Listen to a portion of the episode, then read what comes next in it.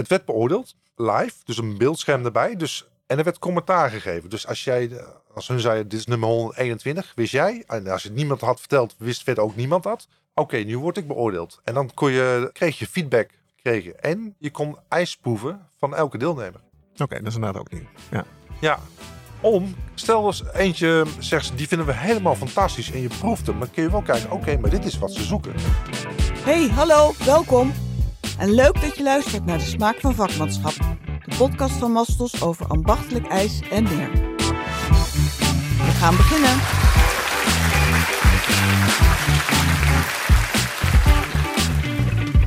Welkom bij een nieuwe aflevering van de Smaak van Vakmanschap. Ik ben vandaag op bezoek in Leiden en wel bij Niels Hendriksen van Zoet en Zo. Welkom Niels. Goeie, wat is het? Middag? Middag. Ja. Goedemiddag. Ja. Welkom. Zoet en Zo, bonbons, ijs, gebakken taarten, las ik over het internet. Ja, eigenlijk als eerste ijs. 70% van mijn omzet is ijs. En daarnaast doen we natuurlijk eh, gebak, veel bonbons. Eigenlijk alles wat met patisserie eh, te maken heeft. Je komt eigenlijk uit de keuken als kok. Ik ben opgeleid als kok. Als 17-jarige heb ik de opleiding, eh, moet ik even nadenken, zelfs horeca-medewerker gedaan. V&D Tilburg, Laplace. Daar ben ik ooit begonnen. En dan doorgestroomd naar restaurantkok. En daarna gespecialiseerd in patisserie vanuit kok zijnde. En mijn functie is ook eh, chef patissier geweest. In diverse restaurants, hotels als chef patissier. En hoe ben je dan uh, op het idee gekomen van luister, ik ga voor mezelf uh, beginnen. En ik doe die combinatie met ijs, bonbons, taarten. Ik kom uit de ondernemersfamilie, dus mijn vader heeft een lunchroom gehad, maar ook een ijssalon. Ik ben erin opgegroeid, dus uh, ik wist al altijd of ik begin voor mezelf of ik ga meer management doen. Dus ja, dus ik wist wel, ik eerst vak beheersen tot mijn dertigste. En dan proberen het management onder de knie te krijgen en dan de keuze gaan maken. Dus op die manier. Ja. En wat uiteindelijk moest worden, je gaat toch kijken waar liggen de mogelijkheden. Ik denk, alleen patisserie is gewoon heel moeilijk om daar goed geld te verdienen. Alleen mijn bons is ook lastig. IJs zit wel wat, wat marge op, sowieso. Alleen dan ben je zo afhankelijk van het seizoen. Dus dat kan zijn dat je gewoon wekenlang achter elkaar s'morgens s'nachts staat te werken. En dan bij wijze van spreken een week als het regent de krant zit te lezen. Ja. Dus ik heb ervoor gekozen dat het grootste gedeelte ijsomzet zal worden. En dan wordt dat gecompenseerd met de rest. Dus met Pasen ben ik heel druk. Met kerst, uh, eigenlijk het hele jaar. Ja, dat is natuurlijk wel een mooie combinatie. Hè? Dus jij bent het hele jaar door open. Ja, zeker. Ja, twee weken dicht in januari. Dus dan uh, kan ik ijs zelf een keer op vakantie. Ja, ja. Maar er zijn natuurlijk heel veel ijssalons die uh, er tegenaan te hikken zijn. Die eigenlijk maar 7, 8 maanden per jaar open zijn. Uh, dan dicht. terwijl er volgens mij volgens mij voldoende kansen liggen om het hele jaar door open te zijn. en dat bewijst jij dan ook weer met de, de, extra producten die dan...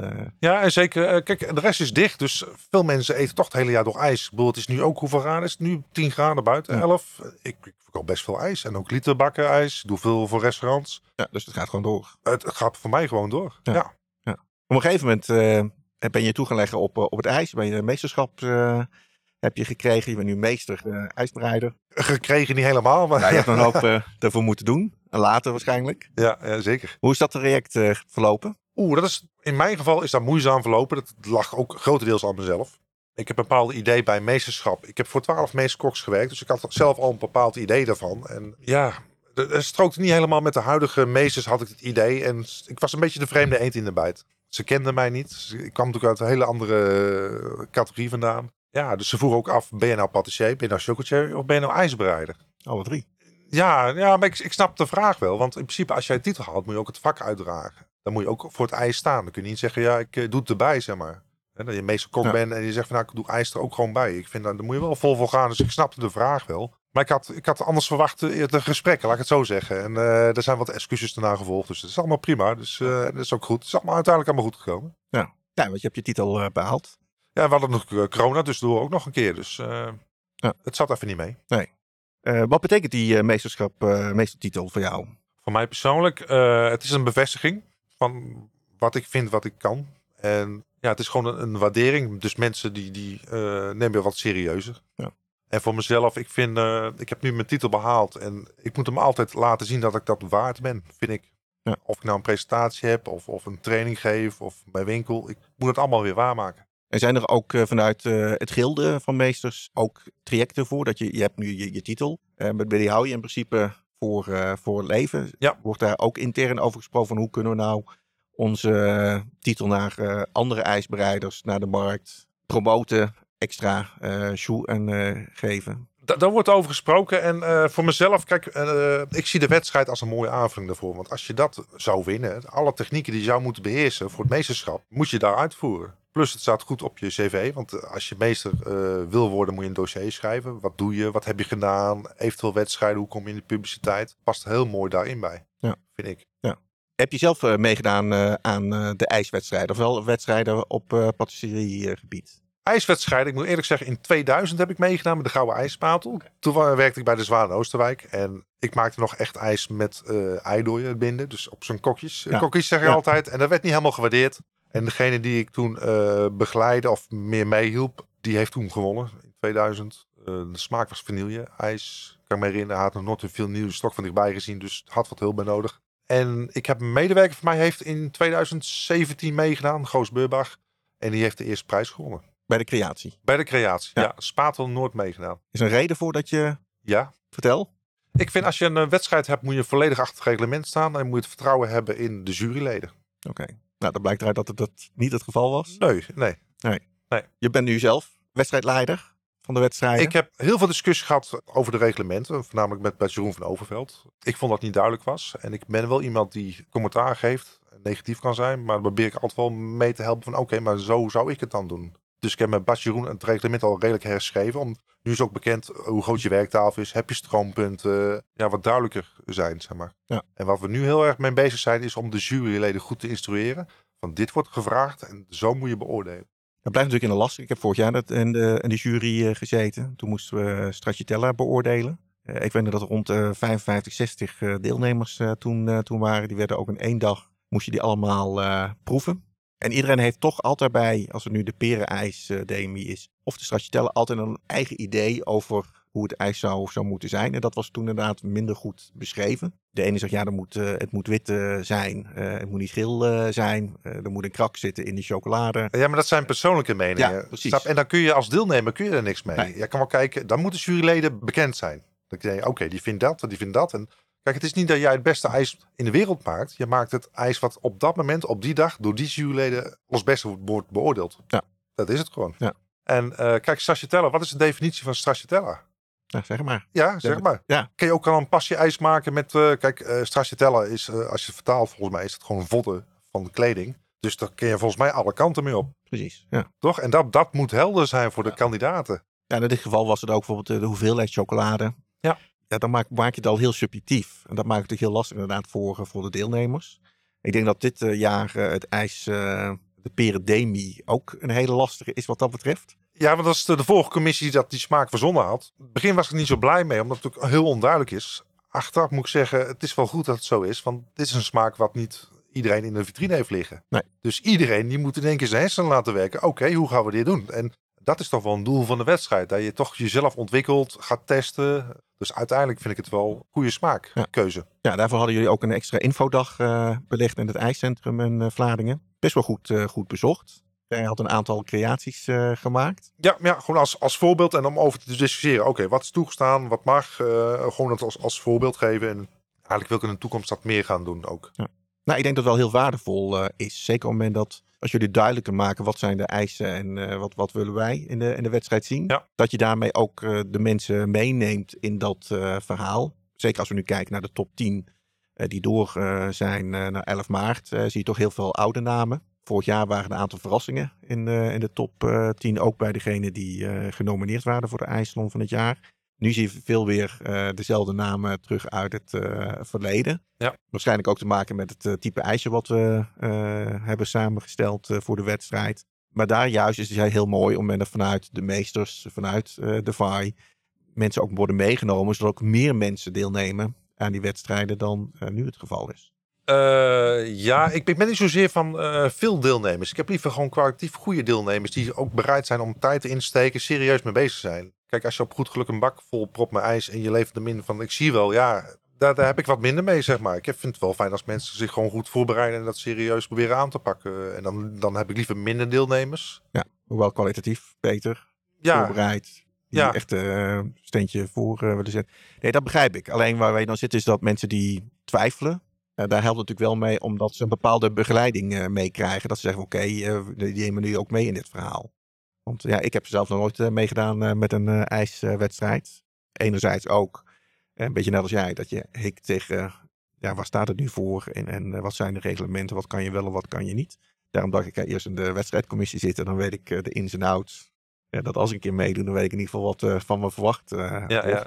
Maar wat je dan wel inderdaad mist, zeker toen de tijd, is, is, dat je inderdaad, je staat er alleen voor. En volgens mij is juist de vereniging van ambachtelijke ijsmakers er juist voor om je collega's ook mee te nemen in, in jouw kennis en verhaal. En zeker vanuit de meesters. Zeker. Op het ijscentrum doe ik een paar keer per jaar een training geven, waarvan ook een teken is van ijscreaties. En in de toekomst willen we daar ook meer, meer kunnen aanbieden. Infodag wat uitgebreider. Misschien wat meer training, ook meer gericht daarop. Zeker voor mensen die twijfelen. Ik bedoel, niet dat ik alle wijsheid heb, maar ik heb best wel veel ervaring. Ik ga heel vaak op pad met spullen en ik moet heel vaak op andere locaties afmaken. Ook onder druk. Ja. En daar kan ik mensen in adviseren. Ja. Dat is misschien inderdaad ook uh, leuk om op in te haken, want uh, we zien jou natuurlijk zeker op de social media uh, dat je overal en nergens bent. Ja, ja, ja. Dat je vooral buiten Leiden bent in, in plaats van dat je hier in Leiden in de zaak staat. Maar volgens mij is dat juist het tegenovergestelde. In principe ben ik, we zijn nu vijf dagen in de week open. Ik ben er 4,9 dagen per week hier, denk ik. Ja. En alles wat je ziet is of op, op de maandag als ik gesloten ben of uh, ik werk overdag, vlieg ik s'avonds ergens heen. Overdag doe ik mijn dingetje en s'avonds weer terug. Dus ben ik eigenlijk één dag weg. Ja. Alleen ja, veel mensen hebben altijd de indruk dat ik dan lekker op het terras in uh, Milaan zit. En, uh, Precies. Inderdaad, dat, dat is mijn schuld. Want dat, dat post ik namelijk. Ja. Dat is leuk. vaak wat ik maak kan ik niet posten. Dus, maar ik ben bijna altijd op de zaak. Niet dat ik dat per se wil of moet. Ga, ik zou graag een team willen hebben die het gewoon draait. In principe zonder mij dat ik het alleen maar aan hoef te sturen. Want zeven dagen in de week werken is ook wel een beetje misschien te veel van het groeien. Maar uh, ik ben in principe altijd uh, gewoon op de zaak. Ja, ja. ja. Nou, hebben we dat ook weer uit de wereld uh, geholpen. ja, ja, ja. Dus behalve dan dat je je eigen zaak hebt, geef je aan dat je vaak af en toe weg bent. want je bent ook ambassadeur van, van Callebaut. Maar je doet naast dat gedeelte ook nog voor andere bedrijven volgens mij. Ja, ik ben ambassadeur voor Cacao Barry. En Cacao Barry is een onderdeel van Barry Callebaut. Zoals Heren de Brabant ambassadeurs voor Callebaut, ben ik voor Cacao Barry. Dan doen we heel veel gezamenlijk. Vanuit daar doe ik ook productontwikkeling namens Barry Callebaut Zurich, waar het hoofdkantoor zit. Dat kan uh, wereldwijd zijn. Dat zijn uh, afnemers van chocolade. Maar Barry Callebaut die produceert ook uh, sauzen, merengues, koekjes, je noemt het op. Die hebben wereldwijd fabrieken staan. En met die producten maak ik concepten. Dat kan voor Ben Jerry's zijn, dat kan voor Magnum zijn, noem het maar op. En hoe ben je daar eigenlijk mee in contact gekomen? Dat is vanuit mijn ambassadeurschap. En dan zit je in dat, in dat wereldje van de vakmensen. En dat komt vaak in België op de fabriek ook. En op een gegeven moment komt een aanvraag van een ijsleverancier van een Ben Jerry's. Ja, wie is, wie is die bekend met ijs? Ja. ja, die jongens kunnen alles met chocolade. Maar ijs is... Uh, uh... Dan wijzen ze in één keer allemaal naar mij. Ja, vraag Niels maar. Uh, en in 2014 was mijn eerste opdracht. En dat was toevallig een hele succesvolle opdracht. Heb ik samen met een MOF glacier gedaan. Emmanuel Rion. En dat was een hele succesvolle. En sindsdien word ik altijd gevraagd voor alle projecten. Ja. Maar hoe kom je dan bij uh, uh, terecht? Hoe zijn ze bij jou terechtgekomen, kan ik beter vragen? Ze zochten een nieuwe ambassadeur. En ik ben door een aantal mensen hebben ze naar mij gewezen. Van nou moet je hem maar eens vragen. Ja. Weet je, mijn vraag was, uh, hoe word je ambassadeur? Ik zeg, ja, je stinkende best blijven doen, altijd nieuw. En ja. dan val je vanzelf een keer op. En toevallig hadden ze iemand nodig die ook een andere tak van sport, ijs dus, beheerste. Ja, ja, hartstikke mooi even terug naar uh, de, de, de, wedstrijden. Jij had er best wel wat uh, bedenkingen erbij. Uh, medewerkers deden mee. Ja. Volgens mij was Nienke Schaap de laatste die ja, mee heeft gedaan. Ja. Vierde geworden volgens mij. Ja, ik was niet helemaal e-, eens hoe het beoordeeld werd.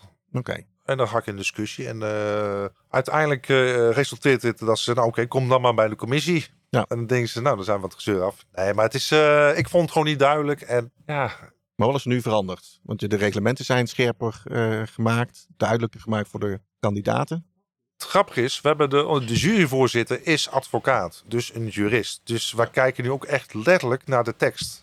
Het moet zo duidelijk zijn uh, wat erin staat. Dus niet van nee, maar we bedoelen dat. Of nee, we zien het zo. Nee, dat moet voor de kandidaat gewoon duidelijk zijn. Dit wordt gevraagd en hier moet ik aan voldoen. Ja. Dat is punt 1. En dan moet je altijd denken vanuit de kandidaat wat, wat kan die doen? Wat zijn de mogelijkheden? Is hij niet te veel beperkt? Hoe wordt het beoordeeld? Ja. Dat zijn denk ik de grote veranderingen. En zeker ook met de, voorrondes, dat we een extra ronde hebben gedaan. Je verdeelt dus, uh, kijk, als je 70 aanmeldingen hebt, als het heel druk is, dan kun je nooit op een dag proeven. Ook niet in twee dagen. Heel simpel, je beoordeelt s'morgens anders dan smiddags of s'avonds. Je je gemoedstoestand, ja. wat je hebt gegeten. En als je een voorronde hebt, nu hadden volgens mij uit mijn hoofd kleine 40 deelnemers. De beste 20 halen er wel uit je haalt er geen top 3 uit. Dat is gewoon te moeilijk. Maar de beste 20, die houden we goed uit. Ja. En in de halve finale, de beste 10 kun je er ook wel uithalen. Plus, nu letten we ook hoe je manier van werken had. Dus de hygiëne. Ja. Iedereen zegt van, ja, dat wordt zo heel zwaar beoordeeld, de hygiëne. Ja, maar dat is... Ik kon binnen 30 seconden zien van, die is voorbereid en die niet. En die heeft dat vaak gedaan en die niet. Ja. Maar zou je dat niet bij de, op de wedstrijddag zelf willen beoordelen? Of zeg je juist, ja, daar is dan weer te weinig zicht, omdat dan zitten we als de jury niet er helemaal bovenop. Ja, dat klopt. We moesten ook oppassen dat we niet te veel gingen wijzigen. Daar moest je wel mee oppassen. En eh, ik, ik vond er moet een bepaalde filtering in zijn. Dat je echt, echt een goede top 10 hebt. Dat je daar geen discussie over hebt. Dus dan, eh, En willen dat als we volgend jaar hebben natuurlijk eh, de bakkersvak eh, ijsvak. Ja. Dus natuurlijk over drie dagen verdeeld. De wedstrijden waren over twee dagen verdeeld. Komt dat volgend jaar dan weer terug? Heb je dan wel meer ruimte om niet de top 10 eh, in de wedstrijddag te laten ijsdraaien, maar ook eventueel de top 20? eh, we zullen na 11 maart alles doorspreken. Mijn voorkeur zou, zou een top 10 zijn. De top 10 van Nederland. En dat we daar alle aandacht aan gaan besteden. Dat is mijn persoonlijke Ja. voorkeur. Dus dat maakt natuurlijk wat de rest wil natuurlijk. Want de VAI die doet natuurlijk financiële gedeelte. Dus die hebben ook een bepaalde mening. Andere commissiële eh, mening erover. Ik, ik vind zelf op deze manier ja, een mooie gang. En zie je dat ook eh, terugkomen straks bij de creatie? Want nu is eigenlijk iedereen die zich aanmeldt, mag meedoen op de wedstrijddag. Nou ja, op een gegeven moment dan zeggen we dit is het maximale wat we kunnen aannemen. En dan zal gewoon worden beoordeeld wat je instuurt. En op basis daarvan word je uitgenodigd om die wedstrijd te doen. Maar nu eh, hoor ik af en toe terug dat mensen zeggen, ja, maar normaal gesproken leg- leggen we de eerste testdag, eh, zeg maar, eh, doen we de dag van tevoren eh, ons ijs inleveren. En dan doen we op de wedstrijddag doen we draaien. Nu is dan die tweede dag erbij gekomen je op de ijscentrum Ja. het ijs moest, moest draaien. Maar zeggen, ja, waarom eh, konden we daar ook dan niet het ijs aanleveren? Om die top eh, 10 eh, eruit te filteren. Ja, maar eh, misschien niet leuk dat ik dat zeg. Maar ik vind, kijk, je doet mee met een wedstrijd. Hè. We hebben nu over Nederlands kampioenschappen ijs maken. Als je, als je wint, dan staan ze rijen dik voor je deur. Vind ik, als deelnemer mag je me enigszins energie insteken, toch? Ja, dat vind ik zelf ook. Ja. Kijk, eh, ik snap wel, het is natuurlijk een extra dag. En sommige mensen komen uit Limburg. Hè. Ik snap dat heel goed, hè. Maar ja, wat willen we nou? Gewoon een bakje ijs inleveren en we horen het wel. Eh, ik vond het ook belangrijk dat het uitslag op dezelfde dag nog bekend zou worden. Ja.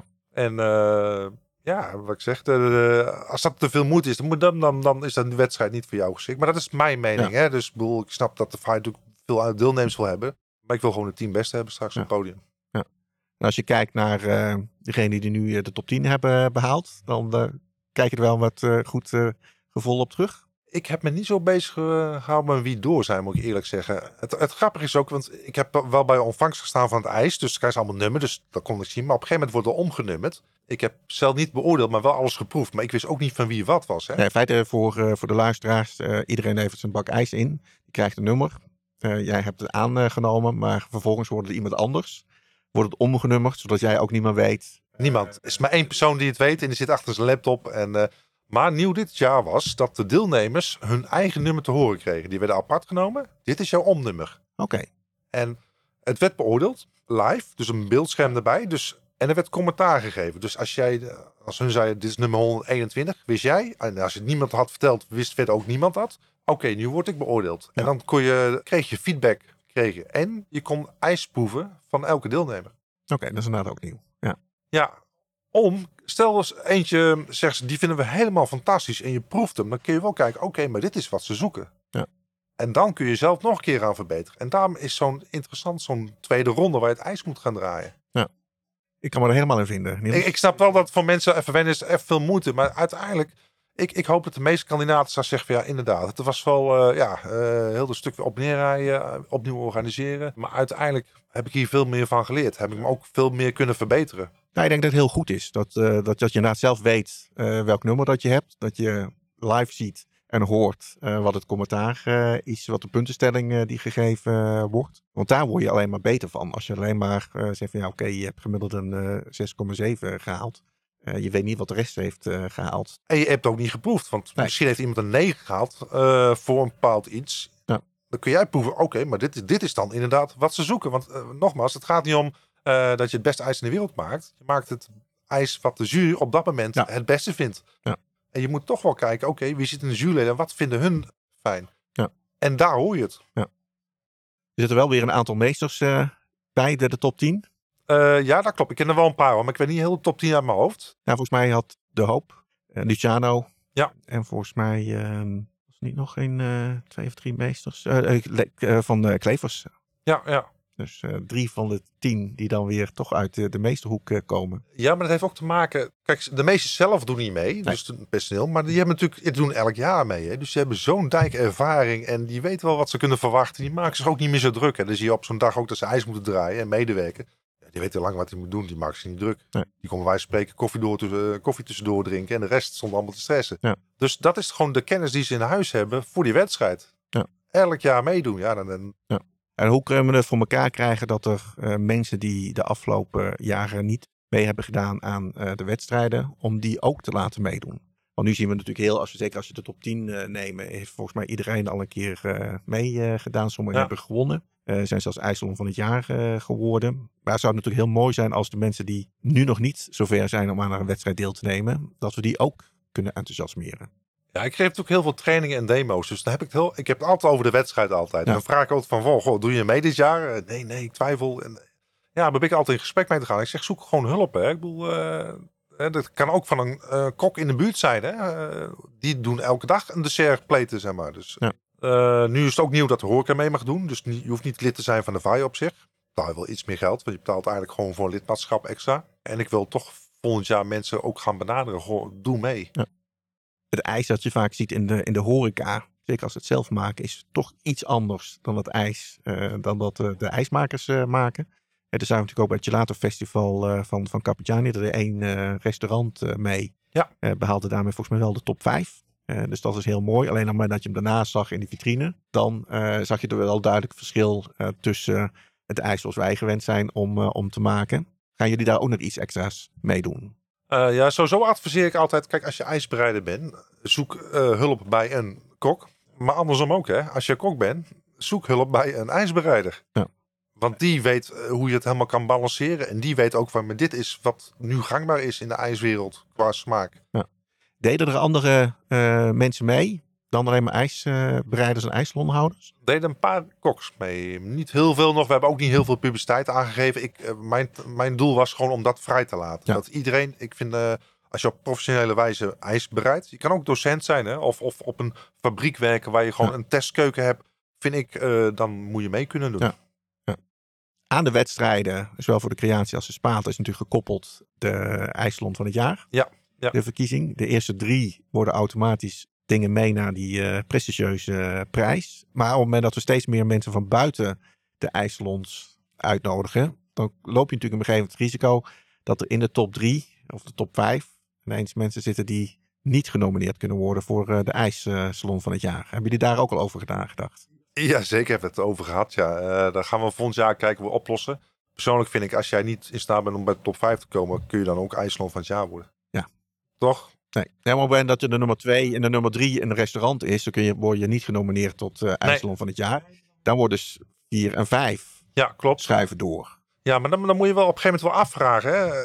Theoretisch, als, het- als je niet eens bij de top 10 zit. Ja, dat, dat zijn dingen, we moeten Ja. goed naar kijken. Ja. Als je een restaurant hebt, kun je geen IJsland van het jaar worden, klaar. Nee. Maar daar zijn we nu al, dus weer, we lopen er best veel dingen aan hoor. We denken van ja, jeetje, we, we hebben iets veranderd. Maar als je iets verandert, dan gaat er weer andere dingen in werking Ja. treden. Ja, er waren best wel een hoop eh, open eindjes, ook eh, toen ik vorig jaar in de wedstrijdcommissie eh, zat. Waarvan je dacht dat er over nagedacht zou, zou zijn. Of een beslissing overgenomen zouden worden. Hetzelfde geldt natuurlijk ook wat toen wel te sprake was van... ehm, kan ik als een van de filialen meedoet. Iemand heeft tien vestigingen. Wie wordt dan IJsselon van het jaar? Ja. Is het dan de opgegeven adres eh, bij de wedstrijd? Of profiteren ook de negen andere zaken dan van, van de titel IJsselon van het jaar? Als het goed is, hebben we nu veranderd dat alleen de IJsselon die heeft zich heeft ingeschreven, dat die IJsselon van het jaar wordt. En Ja. niet de rest van de franchise. Ja. Daar hebben we het inderdaad heel lang een discussie over gehad. Want in theorie zijn natuurlijk ijsbereiders die één centrale keuken hebben. Ja. En je moet het ijs bereid hebben in je eigen ruimte. Een franchise-nemer, die bereidt geen ijs. Hoe ga je daarmee om? Ja. Dat is lastig. Ja. Nee, precies. Dat was een beetje wat ze Ja. bij de vorig jaar zijn we dan die eh, skippen we over naar de nieuwe commissie. En die er dan eh, iets eh, van, eh, van Even, vinden. eh, volgens mij uit mijn hoofd is het van, je mag wel per vestiging inschrijven, maar dan wel één van de franchise.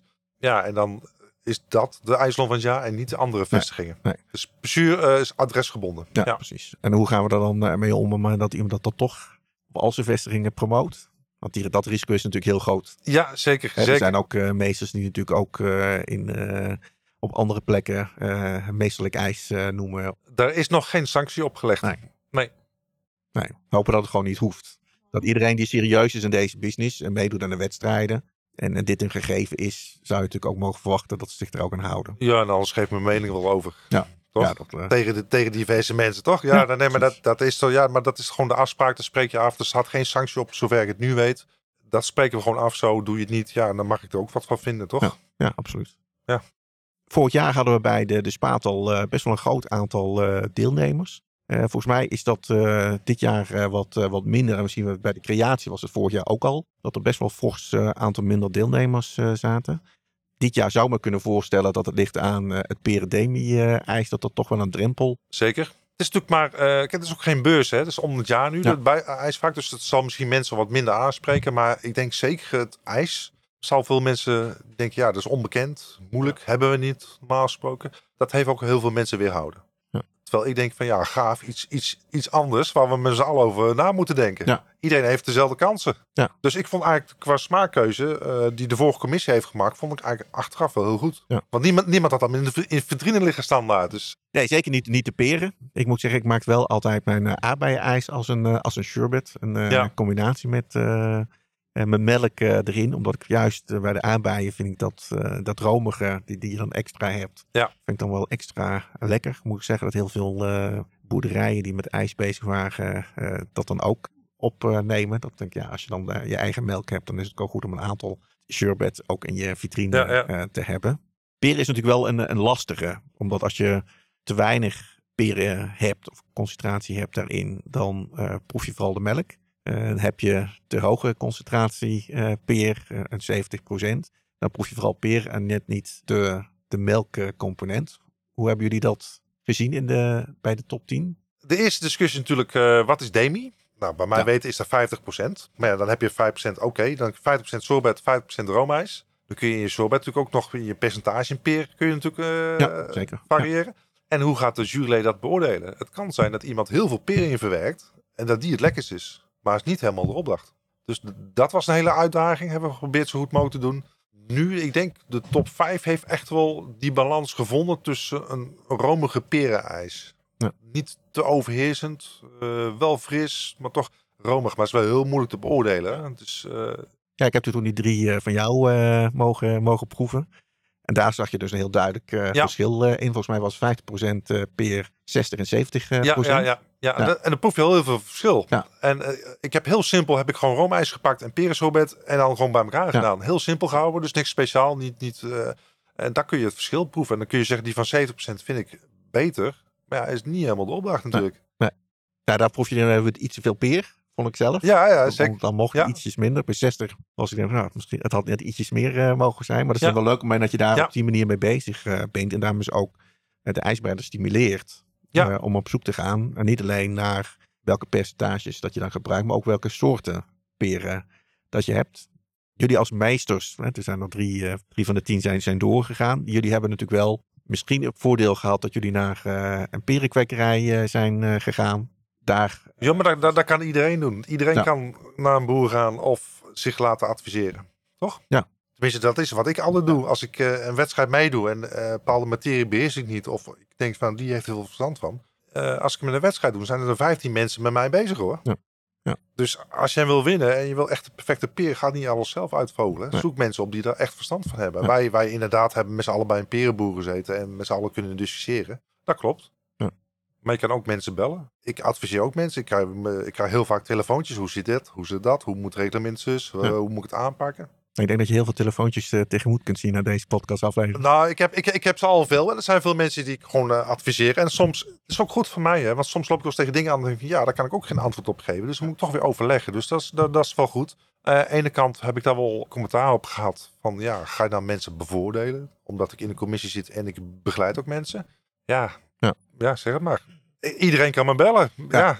Maar zit er in de top 10 eh, nu mensen die je begeleid hebt? van de ijsspatel niet. Meer met de ijscreatie. Ja, want dat is eigenlijk meer jouw, eh, jouw dat is, ding. dat is eh. meer mijn ding. Ja. Met de spatel is het natuurlijk meer theoretisch met berekeningen en welke peer. En met, Ja. en met de creatie gaat meer om hoe neem je alles mee, hoe zet je alles neer. En daar komen heel veel componenten. Ja. En dat is waar ik gewoon heel veel ervaring heb. En Ja. juist goed dat mensen hulp gaan zoeken erin. En het maakt me niet uit wie het is. Hè. Er zijn daar nog wijzigingen in de reglementen gekomen, in de creatie? Ja, moet ik even goed nadenken. We hadden natuurlijk een eh, heel... Jij kent het reglement van vorig jaar nog goed Ja. uit je hoofd, denk ik. Eh, het probleem waar ik tegenaan liep was... waren maar twee halffabrikaten toegestaan. Ik vind het lastig. Wat is de definitie van halffabrikaat? En waarom zou je dat beperken? Goos Burbach deed in 2017 mee met een creatie... wat uit componenten bestond. Wat hij eigenlijk alleen maar hoeft te assembleren. En dat zou volgens die reglementen niet meer mogen. Ik denk, ja... En uiteindelijk zou je dan uitkomen op dat je drie bollen ijs moest scheppen. En je kan er misschien wat fruit doen en een saus. En dan houdt het op. Dan, dan kun je ook niet meer volgens het reglement. Ik denk, ja, dan krijg je natuurlijk geen nieuwe ontwikkeling. Je moet de mensen zo min mogelijk beperken. Dus uiteindelijk hebben we ervoor gekozen. Oké, dan doen we het wedstrijdijs. Die moet wel geschept worden. En of je nou een knel van maakt of, of een eh, knijpen, dan is het prima. Ja.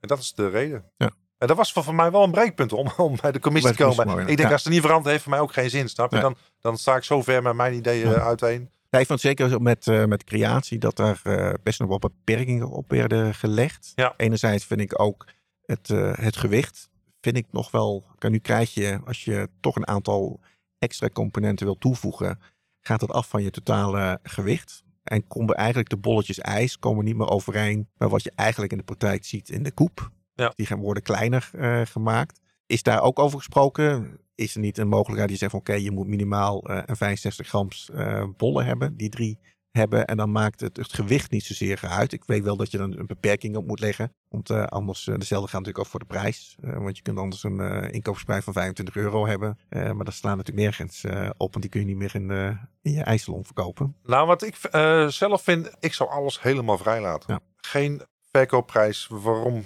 Ik bedoel, ik kan de zes eh, verkopen voor 25 euro. Ik kan ijstaarten verkopen voor 100 euro. Dus elk bedrijf is anders. En als je gaat nadenken van, oh jee, ik moet ook in de winkel en iedereen moet het kunnen maken. Ook dat meisje van 15 die op de zaterdag hier is. Dan beperk je zo.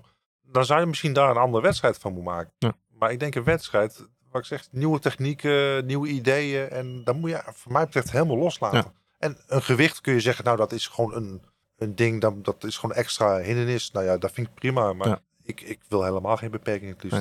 Nee, ik zou dat ook zeggen, als ik bijvoorbeeld keek naar vorig jaar, de constructie die eh Bjorn Cocu had eh, verzonnen met een eigen bord, met allerlei extra componenten. Denk, ja, hij is er wel onwijs mee bezig met Ja.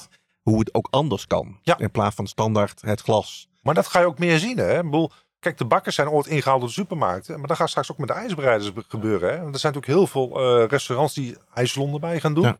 Ja. en waarom alleen bolle ijs knijpen? Ik bedoel, is voor mij geen ijscreatie. Ik maak heel veel eh ijsdesserts voor restaurants. Ja, dat- die, die willen geen bolletjes ijs. Nee. Die willen gewoon hele mooie eh, bomben hebben met Ja. een mooie zachte vulling. Ja. Ja. En die kant gaan we gewoon steeds meer op. En dat, ik snap wel dat sommige mensen zeggen, ja, maar dat, dat past niet bij ons. Maar de, ik denk dat de nieuwe generatie daar veel meer mee bezig is. Dan zie je al de aanmeldingen van de cursussen alleen al. Ja. Ja, mijn boek staat vol met Ja, ijscreaties. nee, zeker. Dat, Ja. ja. ja. Ja, de leuke is inderdaad dat je ontzettend veel eh, deelt. Niet alleen in je boek, maar ook op, eh, op social media. Dus mensen zien ook eh, prachtige creaties. Die zien we natuurlijk ook weer terug bij de dagtrainingen op het ijscentrum. Want daar ben je natuurlijk ook docent Ja. van. Ja, dat is natuurlijk alleen maar mooi. Dat, dat, dat er meer is dan alleen maar een, een, een koep met een beetje van slagroom. Of koekkruimers waarbij je twee, drie bolletjes op doet met wat, wat fruit eromheen.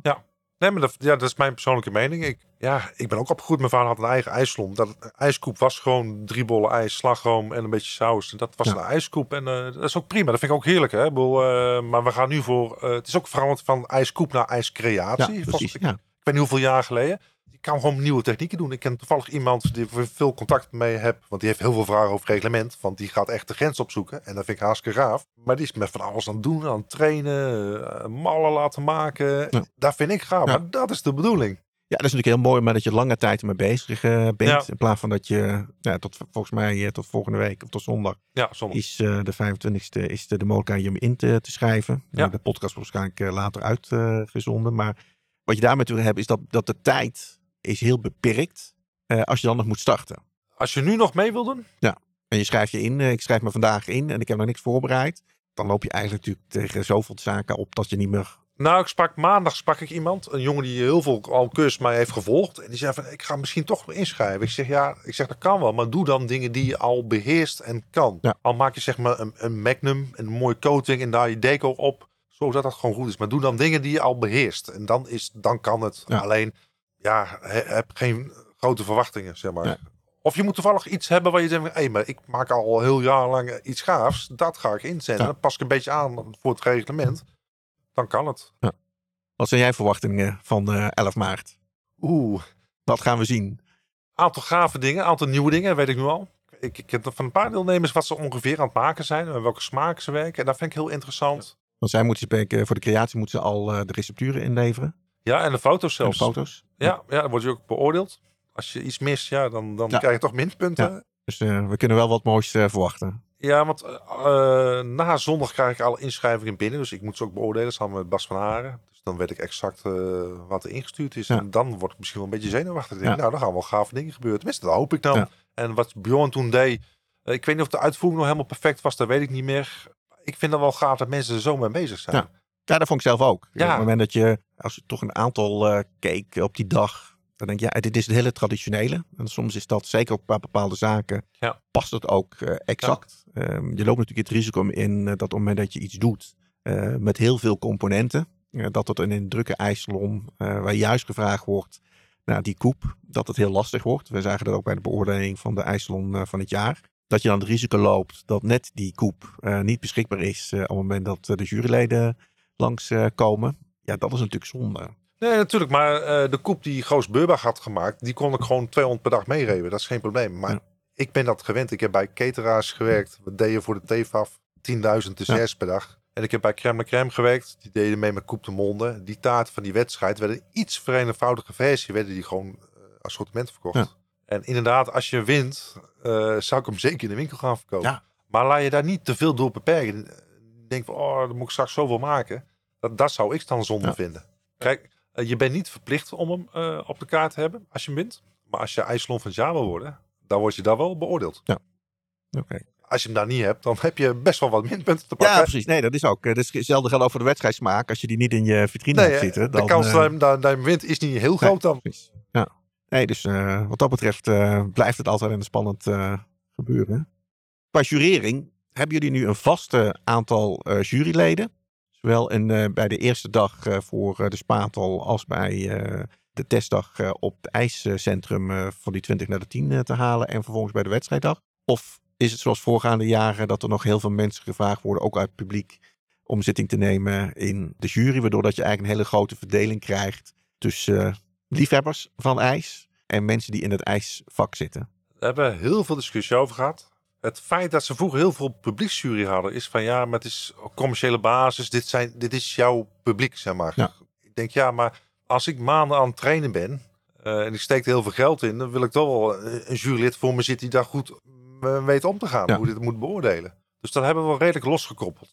We hebben ook vaste juryleden, tenminste zoveel mogelijk vast. Het is ook wel lastig om voor drie dagen dan lang eh, elke Ja. keer dezelfde juryleden te hebben, maar we willen er niet te veel wisseling in hebben. Ook een melange met culinaire journalisten zitten erbij, zit een patissier zit erbij, eh, een blogschrijver zit erbij, de meeste ijsbereiders zitten erbij. Dus eh, zoveel mogelijk vast, dat we Ja. niet hele wisselende resultaten gaan krijgen. Dat zou raar zijn. En die beoordelen dan zowel de spatel als de creatie? Ja, ja. Ja, het gaat via Bas van Haren, dus het hele fijn weet ik niet van. Maar dat is wel wat we afgesproken hebben, dat we niet te veel wisselingen daarin gaan Nee. doen. Wel een kinderjury hebben we erbij zitten, maar die, Ja, staat, dat is vorig jaar eh, er ook bij. die Ja, staat eh, los van de normale beoordeling. Dus dat, ja. hartstikke mooi. Volgens mij eh, hebben we al heel veel gesproken over de wedstrijd, de mogelijkheden, over de meesterschap. Zijn er ook dingen die je zelf nog wil, wil aanstippen? Oeh, dat is een goeie. Nee, ik ben nu gewoon heel druk bezig met, die, met, met, met de wedstrijd. Ik heb vanavond weer een vergadering tot, tot, tot s'nachts. En eh, het is heel gaaf om te doen. Het is gewoon veel werk. Ik wil niet zeggen dat ik het niet verwacht had, maar het, het is gewoon veel werk. En we willen heel veel. En we, uiteindelijk, eh, we willen gewoon het beste van de kandidaat. Niet voor onszelf. Wij verdienen er geen geld mee. Het kost gewoon geld. We willen gewoon dat met z'n allen beter gaan worden. Ja. Dat is, dat, dat, dat is gewoon gaaf. En eh, dat kost me gewoon heel veel tijd. Maar het is wel heel leuk, want ik heb nu nooit zoveel demi-peer-ijs gemaakt in mijn leven. Want ik ben zelf ook aan het testen. Want op het moment Ja. dat ik met die reglementen bezig ben, denk ik, ja, ga ik toch even voor mezelf even testen. Ja. Dus ik ben wel continu ook zelf mee bezig. Ja. Ja, Dus hier komt eh, straks ook een peridemie-ijsje in de vitrine. die staat erin. Die Met, staat er nu in. met eh, basilicum. Oké. Nee, sorry, ja, moet ik even kijken. Ja, Ja. die zal er wel in staan. Maar dat is inderdaad wel, wel een extra toevoeging. Ja, ik kan Wat in de wedstrijd dan weer niet toegestaan is. is toegestaan, mits je wel helemaal glad is. Oké. Maar we hebben met de meesters hebben we toen inderdaad in de boomgraad gezeten. Hebben we met z'n allen het wedstrijdijsje gemaakt. Ik had eh, basilicum doorheen gedaan. Lekker eh, olijfolie, wat specerijen. En Bas van Haren had volgens mij ook iets van crunchy ingedaan. Bas is laatste geworden en ik één na laatste van de meesters. Oké. En de rest had gewoon een glad ijs gemaakt. Ja. En, dus ik merkte al van, hmm, ik had expres gedaan hoor. Ik denk een beetje discussie eh, Ja. opgooien. Maar hun zochten toch meer, andere meesters, naar wat ja, neutralere smaak. Ja. Niet, niet eh, gastronomisch. Dus dat advies gaf ik wel deelnemers aan van, ja, doe niet te gek. Hè. Ja. Dus, dus Ja, dat is ook, ik moet zeggen, ik heb vorig jaar ook eh, best wel die discussie eh, gehad eh, met een aantal daarover. Want ja, op het moment dat je een smaak zegt, zegt er niets over wat je dan, wat er wel en niet nog bij kan. En in, volgens mij, hè, dus daarom met de podcast ook de smaak en, van vakmanschap. Eh, het gaat om de smaak. En is het dan heel erg op het moment dat eh, die peridemie eh, dan een extra toevoeging heeft, zoals basilicum, eh olijfolie of, of een crunch? Of, Of een andere fruitsoort. Ja. Ja. discussie is ook altijd geweest, want je mag, het is nu wel toegestaan om iets anders toe te voegen. Hè? Dus ehm eh, mits het wel glad is, dus Ja. geen stukjes. Nee. Maar als jij vindt dat je bijvoorbeeld eh, een klein beetje appel bij doet, waardoor die structuur beter wordt, is dat toch gewoon toegestaan. Ja. Maar het wordt niet altijd gewaardeerd door de juryleden. Wat het gevaar is, dat iemand zegt van, hé, ik proef iets van appel, dus dan is het geen perenijs. Ja. Eh, Dus we zijn heel druk bezig van, dus de juryleden van, oké, het is peren, demi-ijs, dus het meeste smaak moet de peer hebben die wel romig is.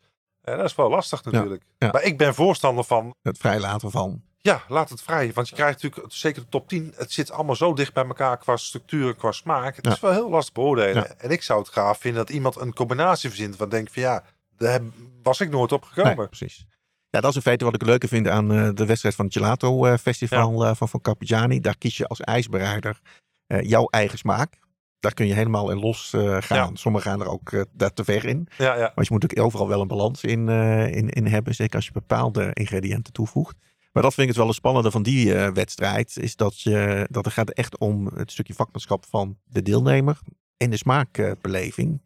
Maar je zou dan natuurlijk ook een combinatie kunnen maken. Dat je inderdaad wat minder strikt vasthoudt aan de basis. Dat het alleen maar de basis mag zijn. Dat een eh stracciatella mag alleen maar. In dit geval was het heel erg een witte basis. eh, waar niet geen andere smaakcomponenten aan zitten. Terwijl er waren ook een aantal die ik eh, best wel lekker eh, vond. Maar dan inderdaad niet voldeden aan de reglementen dat er geen andere smaken aan mogen, mogen zitten. Ja, ik snap wel wat, wat vandaan komt. Want het zijn smaken. Vroeger werden altijd smaken die normaal mensen in de vitrine hebben staan. Ja.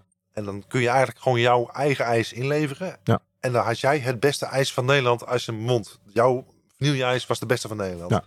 En nu wordt er iets gevraagd wat niet in een assortiment zit. En dat vind ik veel interessanter. Ja. En ik zou liefst zeggen, nou, eh, volgend jaar tropisch fruitijs. Kijk maar. Ja. Roombasis, sorbetbasis, combinatie. Welk fruit? Laat los. Ja. Het nadeel van is dat veel mensen dat heel lastig vinden, dus weinig aanmeldingen. Dus dat, eh, ja, moeten we een beetje kijken hoe we ermee omgaan. Ja. Ja, of chocoladeijs, kijk maar, wit, puur, melksorbet. Ja, of een pure chocoladesorbet. Dat is eh, ook altijd een, eh, een Ja, ja. lastige. Om daar wat mee te, mee te doen. En moet natuurlijk wel een beetje naar de achterban eh, blijven luisteren. De, de, de- wij kunnen doen wat wij allemaal tof vinden, maar uiteindelijk, wij zijn zelf geen deelnemer. Dus je moet natuurlijk wel een aantal mensen hebben zeggen van, nou, dat hebben wij zin in, dat vinden wij leuk. Hartstikke mooi.